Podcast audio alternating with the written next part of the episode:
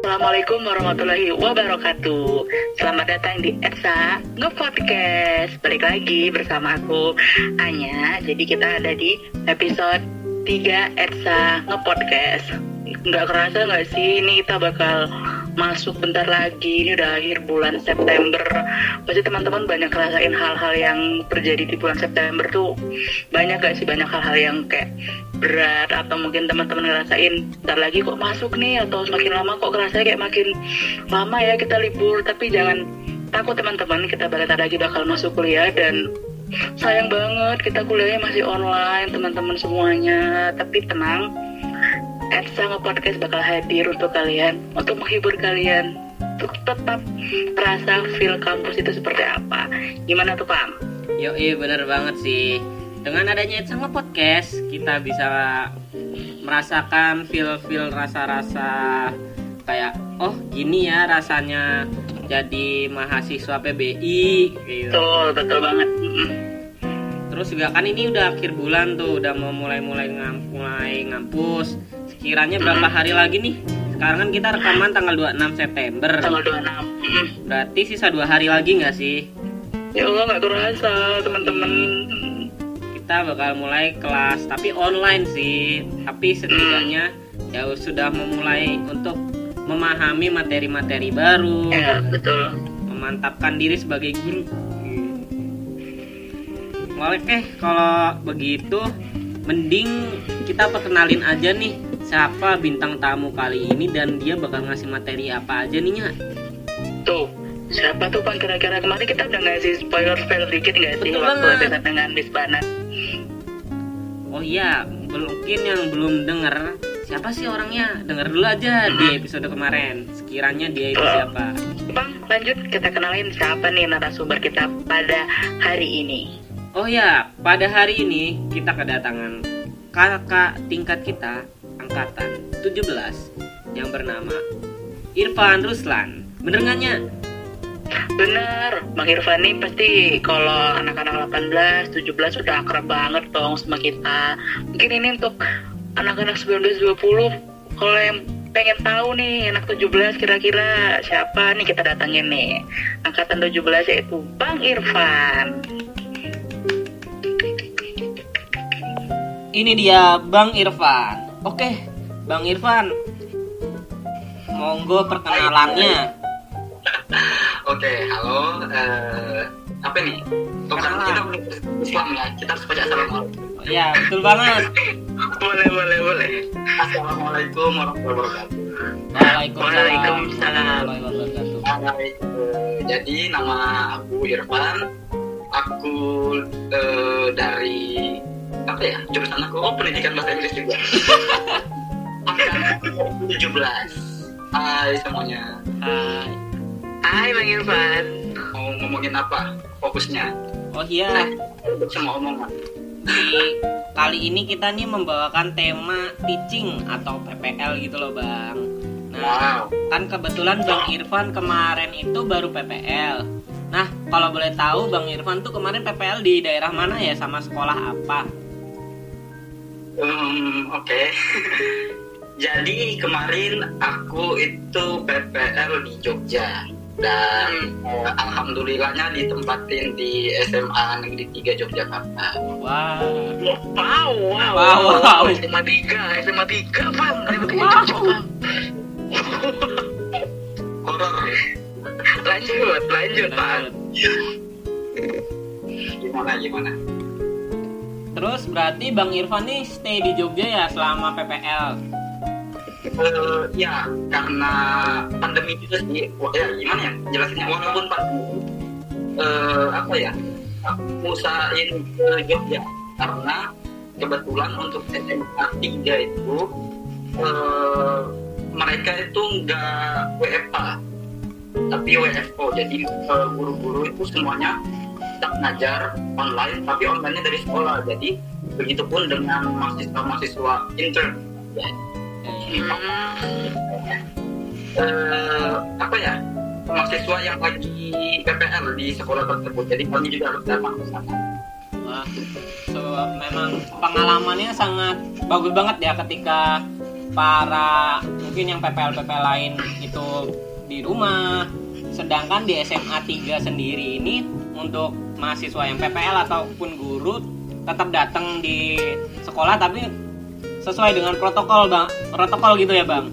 Benar-benar ya gimana ya? Ada ini sih dua perspektif sih sebenarnya. Ya di samping ini pandemi kan kami wajib nah di situ juga masih ada rasa was was sebenarnya.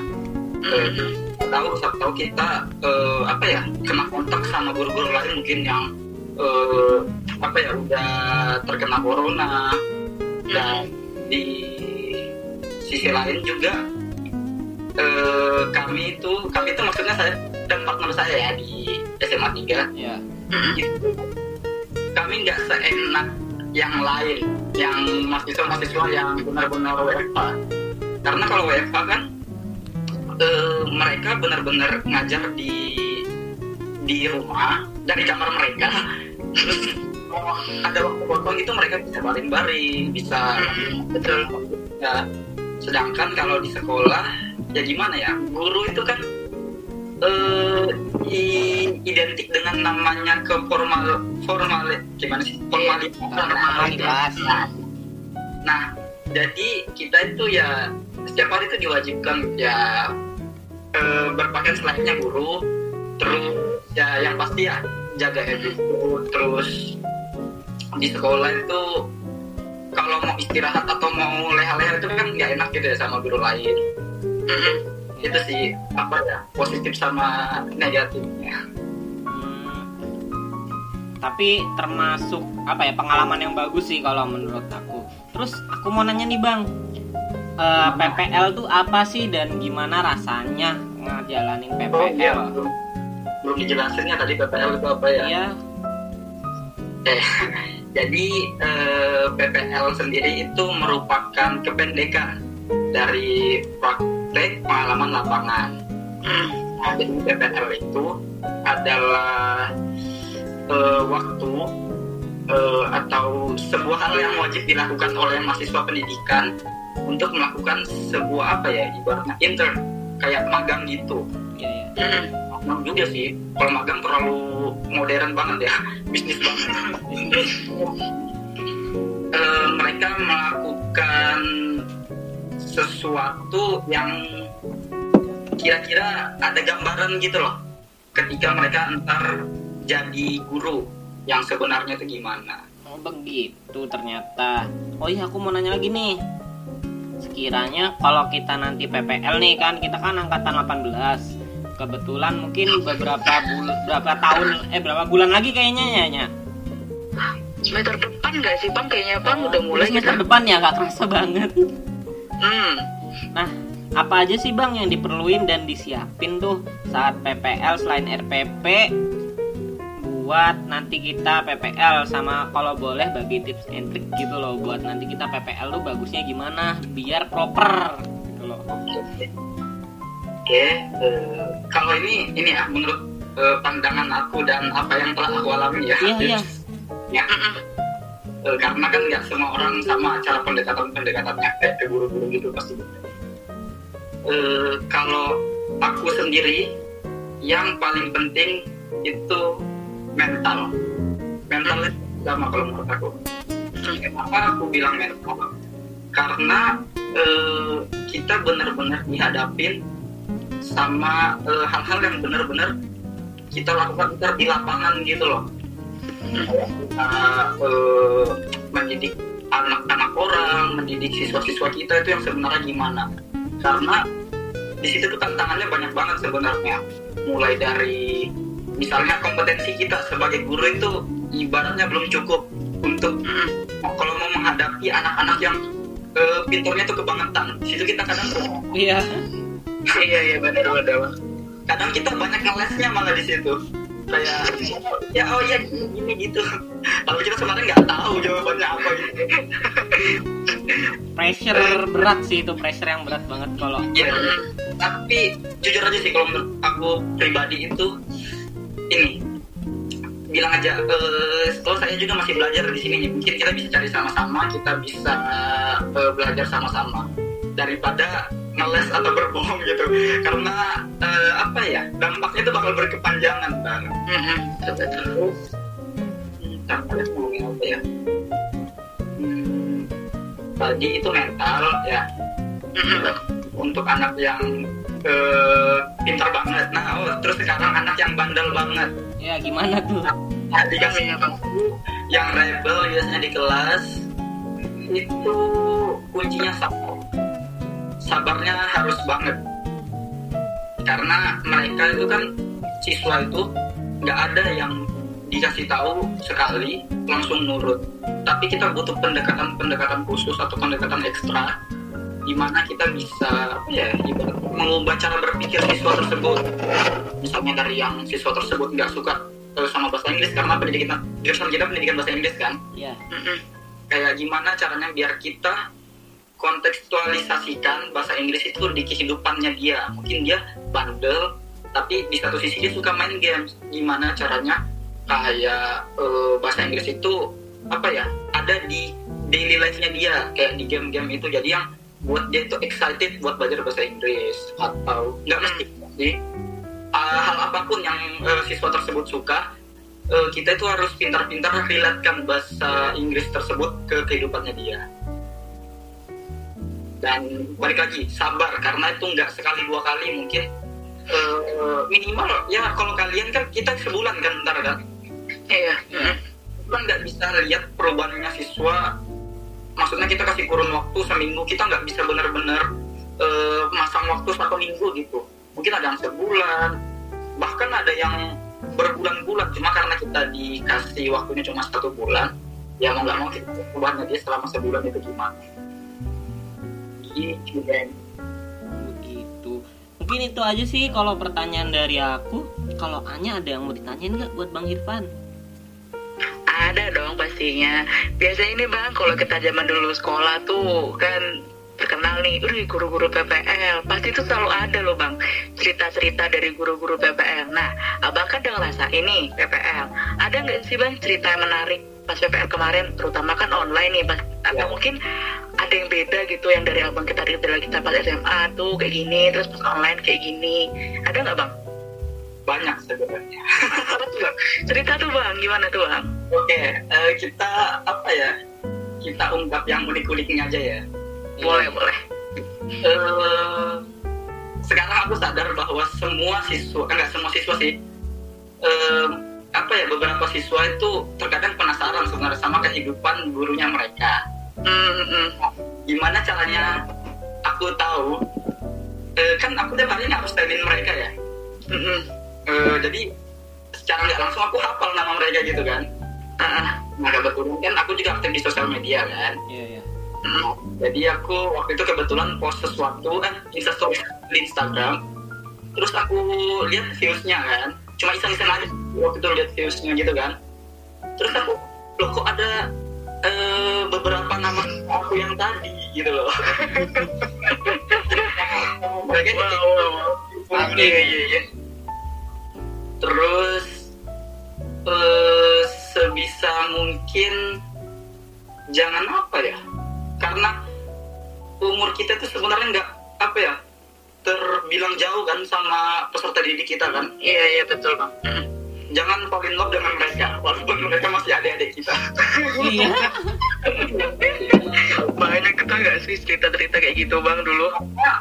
Eh, oke, jadi podcast ini sebenarnya nggak apa-apa kan ngomongin agak keluar keluar dikit. Nggak apa-apa. karena sebenarnya itu setiap apa ya setiap sekolah di mana yang ada guru PPL-nya itu pasti ada beberapa teman kita yang misalnya jatuh kita guys Aduh. Iya gitu loh sama gurunya Iya, iya. ah. entah cara ngajarnya pembawaannya mereka Hmm. cara berpikir segala macam nah eh, siswa itu pasti tertarik sama kita kan kalau bisa kita jangan tertarik balik sama mereka tertarik baliknya maksudnya konteksnya ini yang tadi itu ya yang jatuh Iya. Ya. Betul. Hmm. kalau bisa kita mengedepankan namanya profesionalitas nah, ngajar kalian sebagai guru mengengage mereka biar mereka bela- belajarnya lebih rajin lebih semangat lagi gitu terus PPL ini menurut aku benar-benar berbeda karena ya because it's pandemic karena corona ini ya.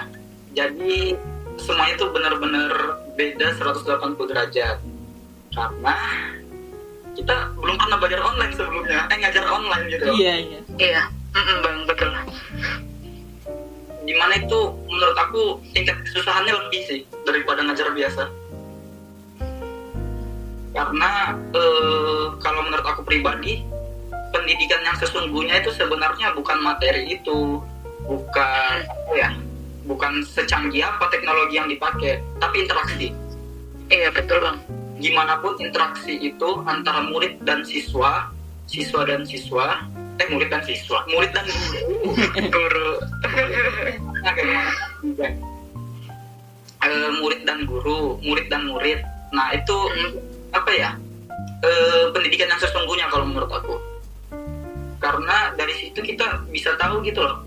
eh, gimana afeksinya kita ke mereka, cara kita menanamkan kayak rasa misalnya rasa kebangsaan gitu, cara mendidik mereka biar disiplin di kelas. Di mana hal itu nggak bukan nggak berlaku sih, agak susah diterapkan kalau di eh, online learning gitu. Mm-mm.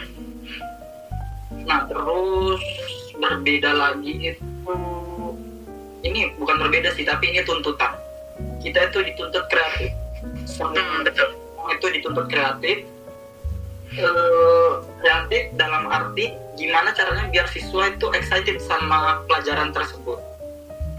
Terutama bahasa Inggris. Gimana ca- caranya biar mereka itu bisa involve dengan maksimal di dalam kelas. Walaupun sebenarnya di kelas online learning gini pun saya yakin mereka itu nggak sepenuhnya ini benar-benar belajar.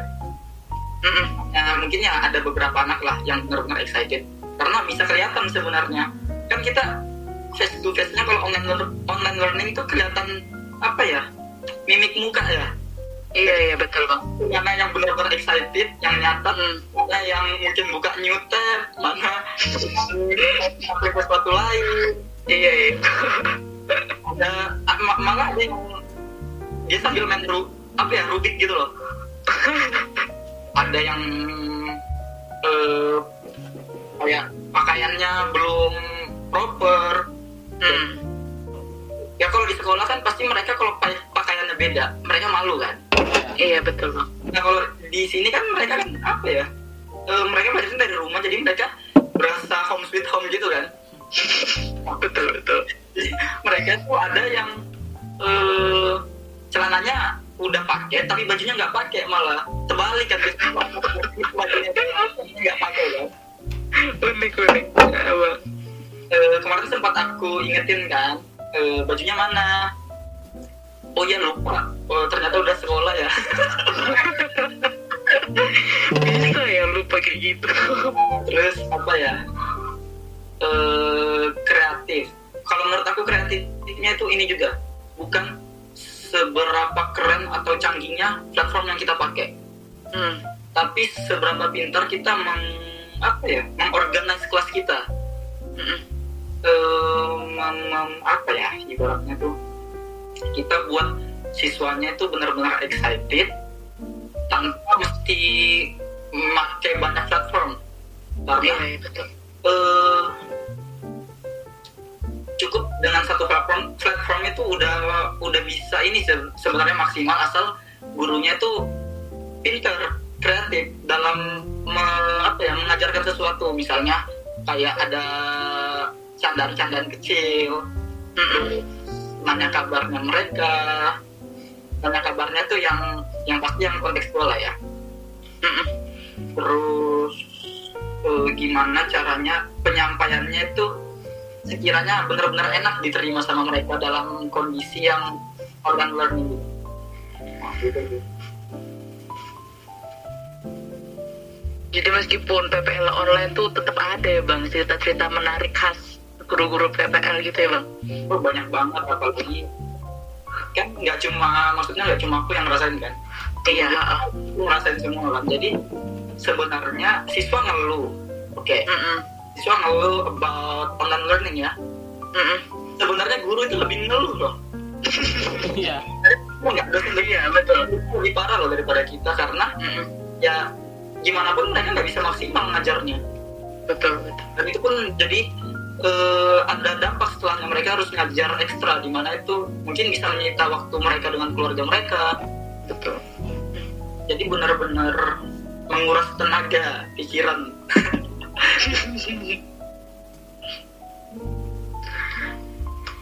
Terus nih bang kan em, kayak mungkin masalah pendidikan di Indonesia tuh kita hampir udah tahu nih pendidikan Indonesia tuh seperti apa. Terus dalam keadaan seperti pandemi ini tiba-tiba semua institusi pendidikan mau nggak mau harus merubah ke sistem online. Terus kalau menurut abang nih udah pernah pengalaman PPL, terus udah pernah mengajar secara online itu gimana sih pendidikan kita atau mungkin uh, semakin menurun kah atau mungkin ada banyak hal-hal yang seharusnya ini diperbaiki terus gara-gara online kenapa jadi lebih parah? Kalau menurut abang kayak gimana? oke ini unik sih questionnya. Hmm, kita bahas semua apa gimana nih? Soalnya ini boleh. eh, rada-rada panjang dan mungkin aku ada eh, ntar delay dikit ngeliat not aku catatan-catatan di aku. Boleh, Bang, apa-apa. apa-apa. Eh, apa ya? Eh, COVID-19 ini terhadap pendidikan kita sekarang Eh, Oke, jadi mungkin aku mulai dari ini ya. Eh, aku bilang ini hal unik. Kenapa? Karena pendidikan kita yang sesungguhnya itu ketahuan Iya betul di COVID, eh, di apa ya, di situasi COVID-19 pandemi. Nah, eh, terjadi benar benar-benar terjadi ketimpangan pendidikan di Indonesia. Kalau kita mungkin ngerasainnya it's okay lah ya, maksudnya kita udah latar belakang keluarga kita udah udah apa ya, mungkin kita bisa bilang middle up lah ya. Iya bang Jadi kita eh, pasti udah punya device atau smartphone yang proper untuk ini untuk melakukan online learning. Tapi selama COVID-19 ini itu semuanya benar-benar terkuat gitu loh. Jadi eh, gimana pendidikan-pendidikan yang ada di daerah-daerah terpencil, yang ada di sudut-sudutnya Indonesia gitu, Mm-mm. ketimpangan dalam eh, apa ya? Dalam fasilitas. Fasilitas itu banyak masih saudara-saudara kita, adik-adik kita di daerah-daerah pelosok itu yang benar-benar susah mengakses internet, apalagi device gitu kan. Iya bang betul Jadi eh, apa ya, COVID-19 ini ibaratnya itu menjadi sesuatu tambahan untuk pemerintah kita gitu loh, PR tambahan untuk pemerintah-pemerintah kita. Mm-mm. kalian sadar nggak sih selama COVID-19 ini sudah berapa banyak daerah yang benar-benar dikebut eh, penyaluran apa ya eh, teknologi misal kayak internet eh, terus subsidi device Mm-mm, betul. uang buat kuota di sekolah-sekolah pelosok Iya. seandainya bang. nah, seandainya COVID-19 ini nggak ada mungkin hal itu bang belum dilakuin untuk waktu yang sekarang. Mungkin bisa jadi Iya. 5 apa 10 tahun lagi baru dilakuin. Mm-mm, betul. Itu, itu salah satu dampak positifnya COVID terus dampak oh ya dampak positifnya lagi. Nah jadi buat apa ya eh, COVID-19 ini kalau SMA anak-anak SMA SMP mungkin ini ya mereka udah bisa pakai device mereka sendiri tahu cara mengoperasikannya gimana cara belajar tapi apa kabar dengan adik-adik kita yang masih SD nah, betul betul. Jadi sebenarnya itu COVID-19 ini memaksa orang tua yang sebelumnya benar-benar buta akan teknologi itu. Hmm. Nah, jadi belajar itu kan apa ya? Nggak kalau menurut aku pribadi sih nggak ada kata terlambat ya. Iya, Apalagi betul. Dan teknologi itu kita balik ke prinsip utamanya, prinsip dasarnya itu memudahkan kegiatan manusia. iya Nah, jadi eh, selain memudahkan adik-adik kita untuk belajar, orang tua itu sebenarnya belajar buat mereka mengoperasikan teknologi buat di kehidupan eh, sehari-harinya mereka sebenarnya itu dampak positifnya dampak negatifnya tadi itu yang eh, masih banyak yang belum apa ya seberuntung kita Iya, betul. Betul, Bang. jadi eh, saya itu udah benar-benar beruntung sih menurut aku apalagi kita tinggalnya di kota gitu kan ya Iya, iya. Bang. Karena eh, aku jadi aku itu sebenarnya latar belakang tante aku guru terus kakak sepupu aku juga guru. Nah eh, kebetulan tante aku ini eh, dia itu ngajarnya di ibu kota Jakarta. Ya nah sedangkan eh, kakak sepupu aku itu ngajarnya di daerah terpencil di Kalimantan Timur. Kalian tahu kan Kalimantan Iya, Bang.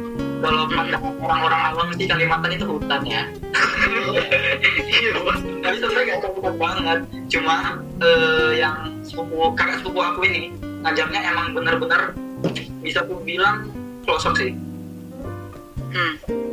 nah itu tuh eh, dia bener-bener harus door to door Hmm. door to door itu ada yang kayak nyamper di di terasnya siswa atau ada dalam satu RT itu mungkin siswanya ada yang bareng gitu satu sekolah mereka buat kayak small meeting gitu di satu rumah. Nah itu negatifnya bukan negatif sih kayak apa ya sesuatu yang miris ya menurut aku. Iya, betul. karena ya balik lagi sebenarnya ke latar belakang. Kalau eh, kebetulan yang tante aku itu kan ngajarnya ibu kota ya. Ibu kota itu ya ya inilah ya. Device-nya pasti mereka punya lah ya. Betul, betul.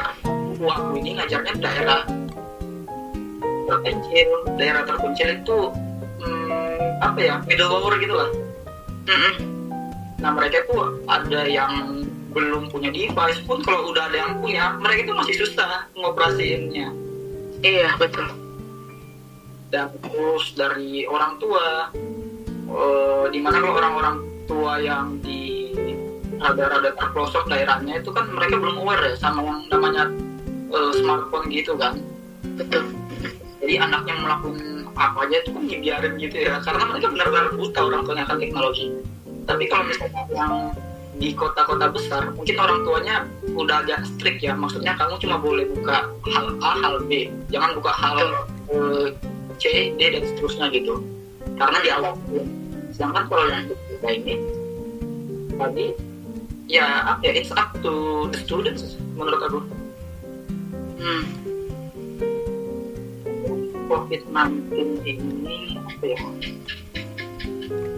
Ya, apa ya? Semua sengsara lah ya sekarang.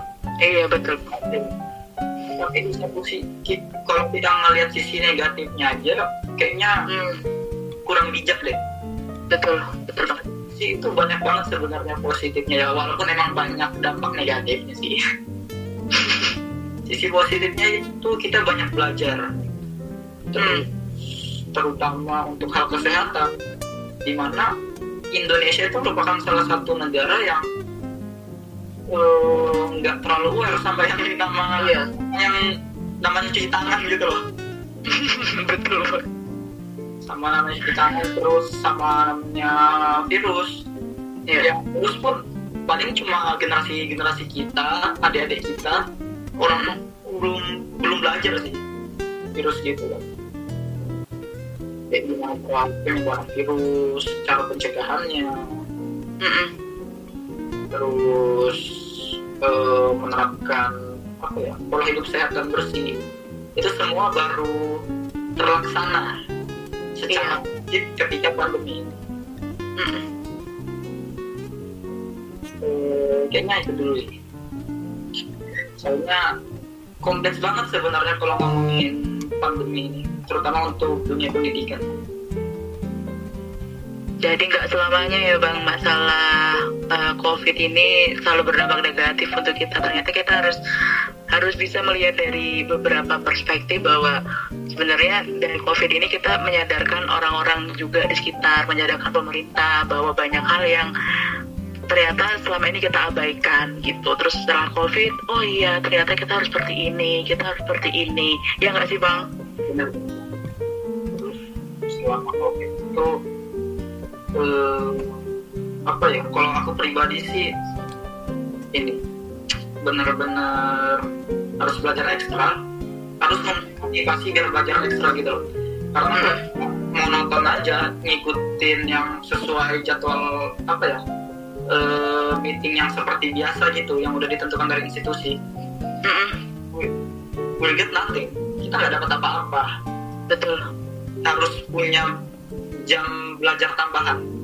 Mm-mm, dan PR-nya itu gimana caranya untuk menumbuhkan motivasinya untuk belajar belajar mandirinya itu lebih dibanyakin lagi waktunya.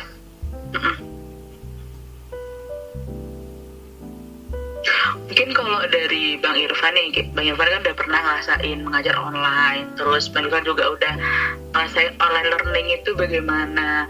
Ada nggak sih Bang em, dari diri Abang apa untuk saya itu harus seperti ini di online learning? Mungkin ada apa? Ada motivasi apa yang Abang kayak, aku tuh harus tetap survive karena kan ini berdasar pengalaman aku sama Pangestu nih teman-teman kita kita kelas 18 kayak capeknya belajar kayak gini. Sampai kemarin aku juga banyak dapat berita-berita dari teman-teman menilainya ada yang anjlok bahkan ada yang kayak aduh nggak ngerti ini harus gimana harus gimana. Kayak ada nggak sih mungkin dari uh, dari abang kayak kalian itu harus kayak gini harus kayak gini. Mungkin tips-tips dan trik dari abang gitu untuk online learning itu harus gimana sih? Oke, kalau dari aku pribadi ya, Mm-mm.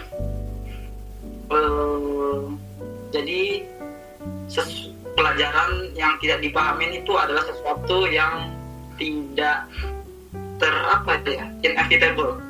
Bahasa Indonesia. Hmm, tidak ter inevitable itu bahasa Indonesia. Aku lupa bahasa Indonesia nya apa. Eh, tidak apa ya sesuatu yang nggak bisa kalian hindari. Nah gitu. Oh iya. Anjlok nggak nggak anjlok tuh bisa sih di ini. Tapi sesuatu eh, pelajaran yang kalian nggak pahamin itu sesuatu adalah sesuatu yang nggak bisa kalian hindari. Hmm, mm-mm. Eh, gimana caranya biar kita paham? Salah satunya itu dengan aktif. Aktif ya nanya ke teman. Ya banyak spam sih menurut aku.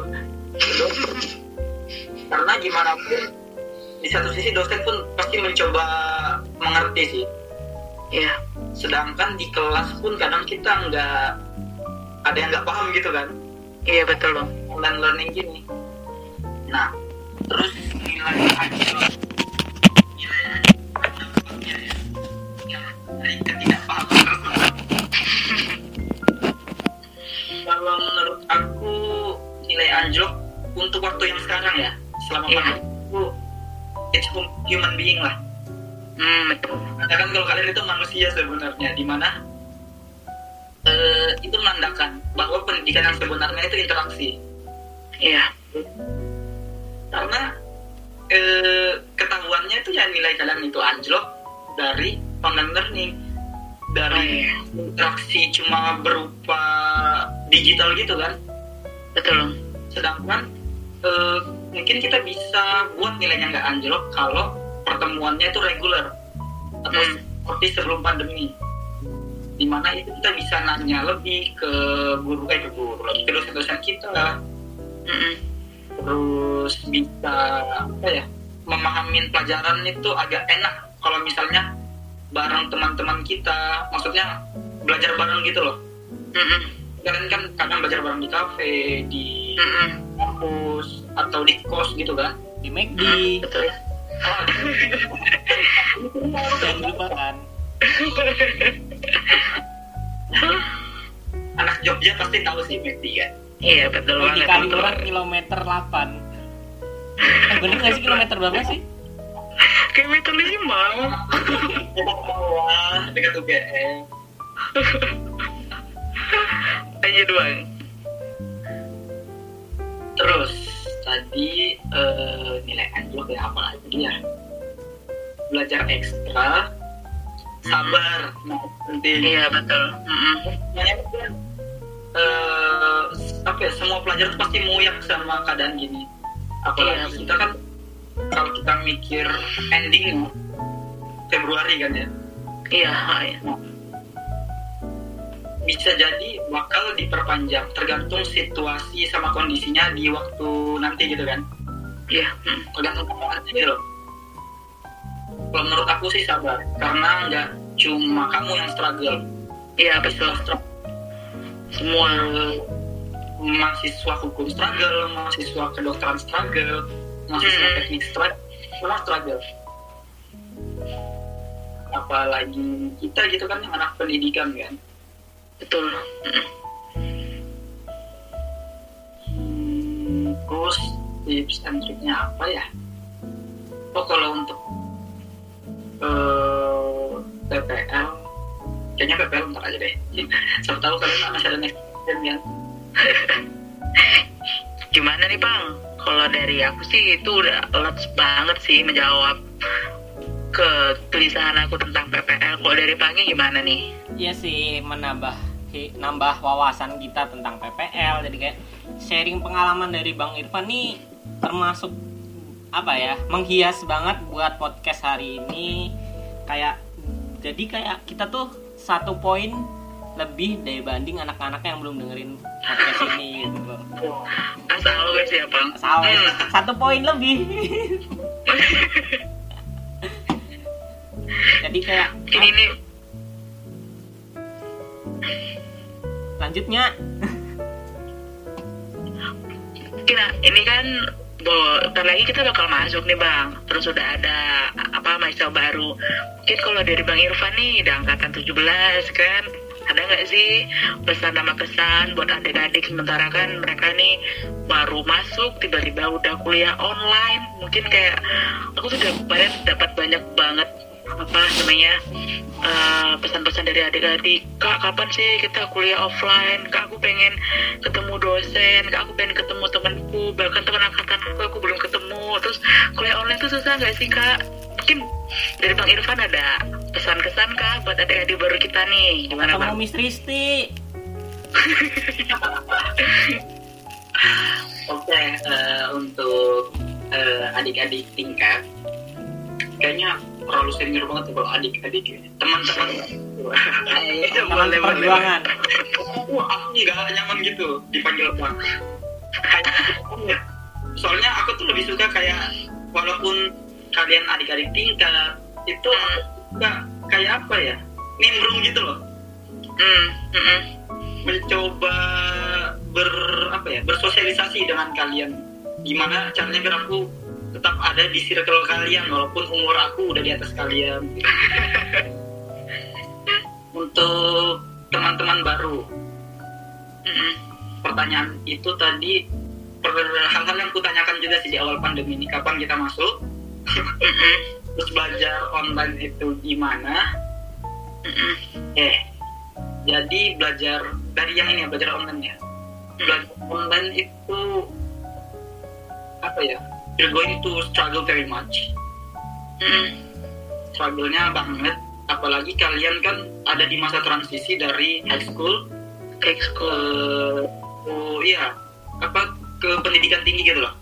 Hmm, nah itu tuh kan ada beberapa hal-hal yang mungkin dari mental dari sikap karakter yang masih kayak kekanak-kanakan Hmm, hmm. eh, mencoba beradaptasi di pertemuan awal apa ya? Ini bukan SMA lagi. Jadi kalian belajarnya ini harus harus mandiri tanpa disuruh-suruh. Guru kalau di mana kalian juga harus hmm, kalau kita pendidikan kita jurnal ya. Eh tapi semua semua Semua. Belum deh kalau ada adik tingkat kita kan belum masuk ke situ. Betul. mereka ibaratnya masih introduction to college ya ya Betul bang. terus tadi pertanyaannya apa sih? Aku lupa. Pesan-pesan ya? Ya bisa Ya, salam-salam buat adik-adik yang baru nih, kira-kira gimana? Buat kan mereka ini kan langsung masuk langsung tiba-tiba langsung online. Kalau mungkin kalau dulu sekolah kan udah tinggal gini-gini. Tapi kan mungkin kalau di kampus kan beda gitu bang. Kayak gitu kapan masuk ini sesuatu apa ya? Sesuatu yang menurut pandangan aku aja sih yang uh, ku analisis berdasarkan hal yang ku baca terus hal yang aku perhatiin dari apa ya dari berita dari search mana pun lah gitu. Februari. Dan vaksin itu kan Januari Februari ya baru didistribusi di nah itu pun didistribusiin itu kan bertahap nggak langsung ke kita tapi mungkin ke tenaga medis dulu. Karena ke tenaga medis dan orang orang yang usianya udah rentan. Dan eh, kita itu mungkin kebagiannya agak agak belakang lah ya. Nah kita itu masuk pun kalau kita masuk Februari kemungkinan itu dibatasin kelasnya. Kemungkinan loh kemungkinan dibatasin itu namanya masa transisi sih menurut aku. Iya bang betul. Langsung masuk terus harus tetap menjalani protokol apa ya, kesehatan ya. Mungkin satu kelas dibatasin berapa orang sebelum masuk kelas cek suhu ada jarak setiap kursi. Di mana eh, kalau hmm, hal yang bisa sekiranya dilakukan online tetap pasti tetap dilakukan online. Tapi kalau itu pertemuan baru dilakukan di kampus. Dan Februari itu masih lama banget ya. Lama banget bang. Bukannya diundur lagi ya? tergantung ini sih kayak kondisi nggak sih kayaknya? situasi kondisi nanti. Mm-mm, betul. Oh jadi misalkan kalau Februari nggak jadi kan katanya September kan kita ya? Tahun iya awalnya. September tahun eh, 2021 kan? Iya. iya bang. Bisa jadi sih. Jadi ya siap-siap aja sih. Karena eh, nggak ada yang siap sebenarnya sama situasi ini. Betul. betul betul banget bang. Betul. Benar harus lapang dada nggak cuma apa ya nggak cuma pelajar semua. Semua dari kerjaan orang tua ya bidang-bidang lain pun gitu menurut aku.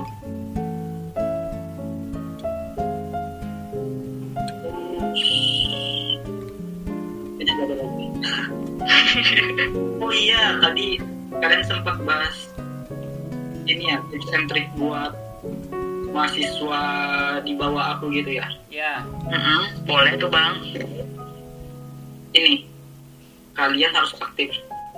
Aktif ntar kalian bakal ditempatkan di suatu institusi yang di mana mungkin bisa jadi gurunya itu agak cuek agak nggak peduli dengan kalian.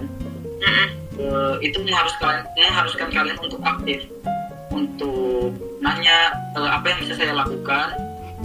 Karena kan nggak satu bulan itu kalian nggak ngajar gitu loh. Pasti banyak nganggurnya kan. Mm-mm, dan itu kalian harus isi eh, buat laporan kalian itu ngelakuin hal-hal yang lain. Misal kalau aku kemarin karena lagi apa ya WFO ya working from home nggak di rumah doang aku itu nanyain ke guru tersebut adakah yang bisa saya bantu bu? Adakah yang bisa saya bantu? Jadi banyak ngebantuin mereka kayak dalam hal-hal administrasi guru. Dan mm, itu kan nggak cuma ngajar ya. Betul. Mereka pun identik sama yang namanya berkas-berkas gitu loh. Jadi kemarin aku tuh sempat kayak ngebantu bagian teko ngetik ini itu terus jaga hmm, ini. Apa ya resepsionis. Ya iya nggak sih namanya? Iya. boleh lu Yang di lobby kan? ya kan? Ya, sorry. bener piket nah jaga piket. Pun mereka ngomongnya piketan. Oh iya iya.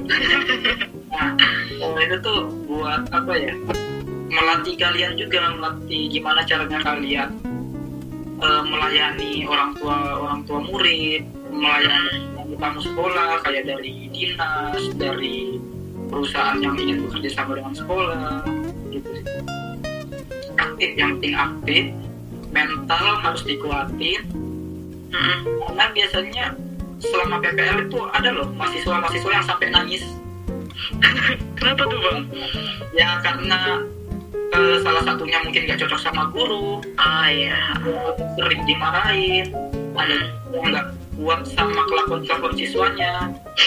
Dan ada kakak tingkat aku kakak tingkat kalian berarti ya di atas aku itu dia pengen ditarik pengen pindah sekolah waktu itu. Oh. apa ya dengan kabarnya namanya nggak usah disebutin ya? Pokoknya makan hati ya gitu kayak Iya. jadi ya mungkin mentalnya dia belum siap. Nah karena kalian udah tahu nih ya kalian udah tahu sekarang ya di apa ya dikuat-kuatin disiap-siapin terus latihan materi karena gimana pun materi itu pasti akan ditanyain juga sih. Ya, siswa itu kan em, kalau di sini itu mereka cenderung kayak menghafal grammar gitu kan. Iya. Betul. dia tuh kadang nanyain eh, hal-hal yang di luar ekspektasi kita pertanyaannya. Kok itu kok itu jadi ini gitu gitu lah itu Iya. gimana pun kalian harus tetap belajar gitu. Gitu deh